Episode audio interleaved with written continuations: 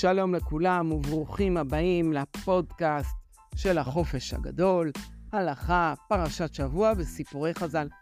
והיום אנחנו עם אורח. איך קוראים לך? אריאל אריאל מה? ליכטנשטט. אריאל ליכטנשטט מכיתה א' 3. ובואו נלמד ביחד, בסדר? כן. יופי. היום אנחנו ממשיכים את כיבוד ההורים.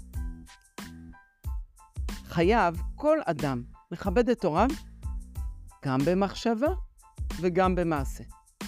במחשבה, שיהיו חשובים בעיניו ובליבו. יחשוב תמיד שהוריו הם הכי מכובדים והכי חשובים. גם בעיני אחרים הם בני אדם רגילים. מה אתה אומר, אריאל? אתה אוהב את ההורים שלך? כן. מאוד? כן.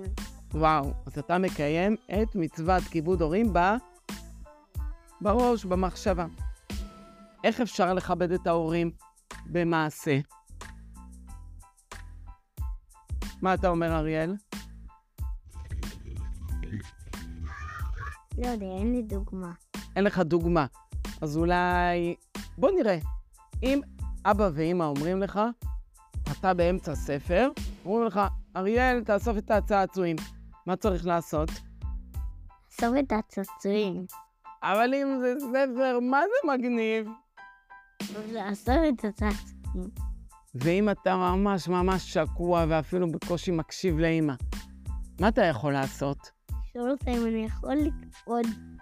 יפה, ככה זה נקרא לכבד. לכבד זה לא תמיד מיד לסגור את הספר. זה דבר נפלא מי שעושה את זה. אבל לכבד זה אומר שאני מקשיב לאמא עכשיו, למרות שאני עסוק כל כך בספר שלי. ואני שואל אותה, אמא, אפשר עוד דקה? אני רק אסיים את, ה, את העמודים? ואז היא תגיד, או שכן או שלא. מקסים, כיבוד במעשה זה לדאוג להורים לעשות למענם כל מה שהם צריכים. ובייחוד צריך להקפיד שלא לומר להורים, אין לי כוח או אין לי חשק לעשות את זה, אלא צריך לעשות מה שאבא ואמא אומרים, לשמוח שזוכים במצווה חשובה.